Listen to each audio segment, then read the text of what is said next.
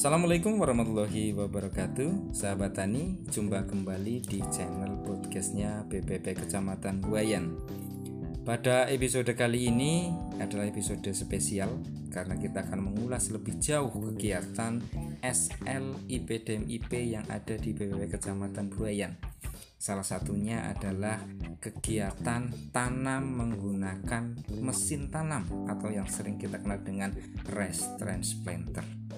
Tapi saya tidak sendiri di sini untuk kita obrolkan lebih jauh terkait dengan tanam menggunakan rice transplanter.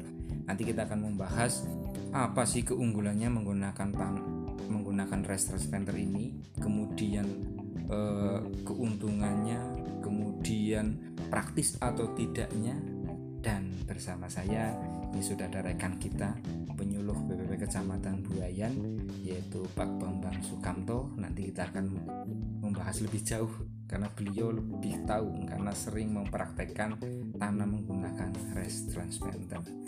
Assalamualaikum Pak Bambang. Waalaikumsalam warahmatullahi wabarakatuh Gimana kabarnya? Sehat Pak Kumbang? Sehat Alhamdulillah. Nah terima kasih sekali kita akan membahas ini Pak Kumbang iya. Kegiatan-kegiatan kita yang terkait dengan SL Khususnya kita kemarin sudah melaksanakan SL IPDMIP yaitu tanam Nah ini kita akan uh, membagi membagi informasi kepada sahabat tani yang setia mendengarkan podcastnya kita.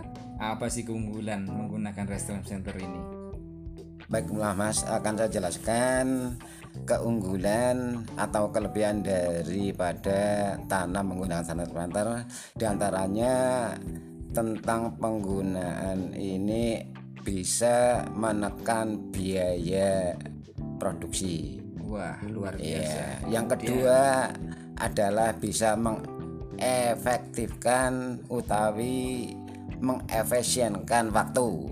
Wah, apalagi apalagi Pak Kumbang? Uh, dari segi finansial mungkin sudah jelas ini uh, sangat uh, menghemat ya Pak Kumbang ya. Karena sudah tadi ya, waktunya sudah efisien, menghemat tenaga. Tenaga kerja katanya di daerah kita ini sudah sangat berkurang ya. Betul.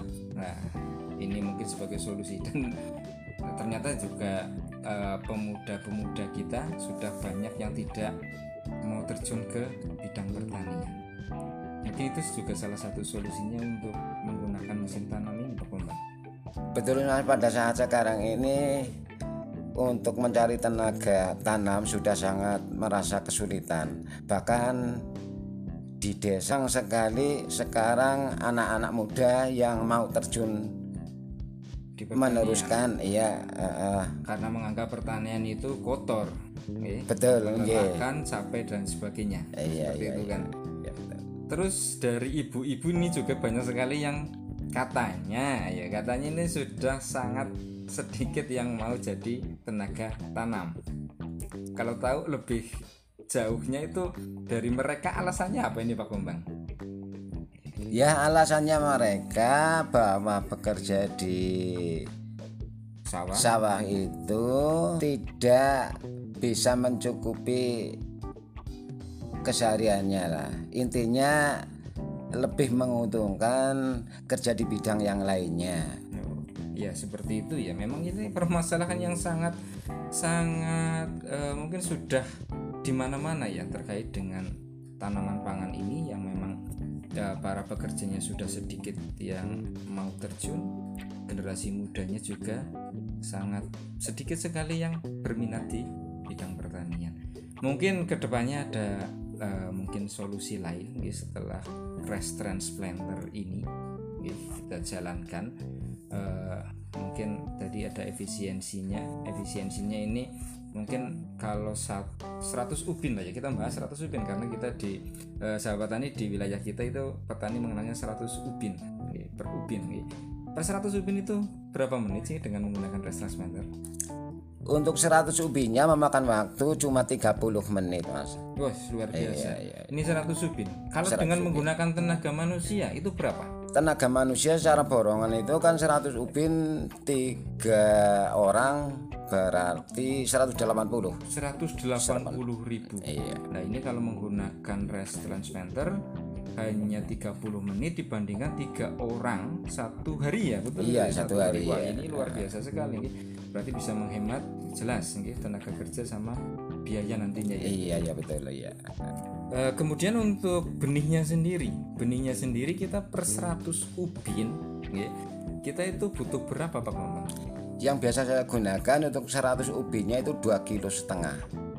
Karena itu takarannya nanti disemai pakai bagi ukurannya untuk satu baginya satu on. Sedangkan 100 ubin itu memakan 20 bagi sampai 25 Oh seperti itu. Iya, Ini kalau informasi yang saya dapat, kalau 100 ubin kebiasaan petani itu harus 5 kilo betul ya? bahkan lebih. Oh lebih. iya kalau menyemai di lahan biasa ya Kemudian untuk umur tanamnya, umur tanamnya kalau menggunakan raster spender itu rata-rata harus umur berapa sih?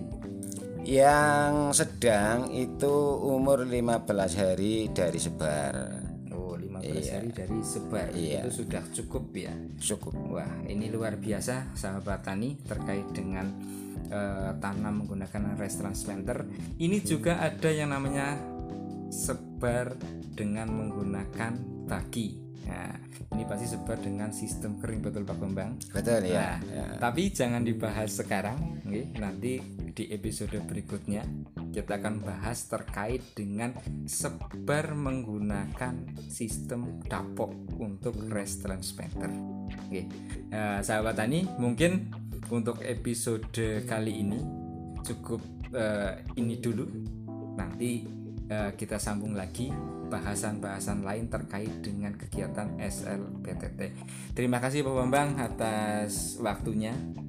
oke sama-sama ya terima kasih juga Sahabat Tani, eh, terima kasih. Sampai ketemu lagi di episode berikutnya. Wassalamualaikum warahmatullahi wabarakatuh.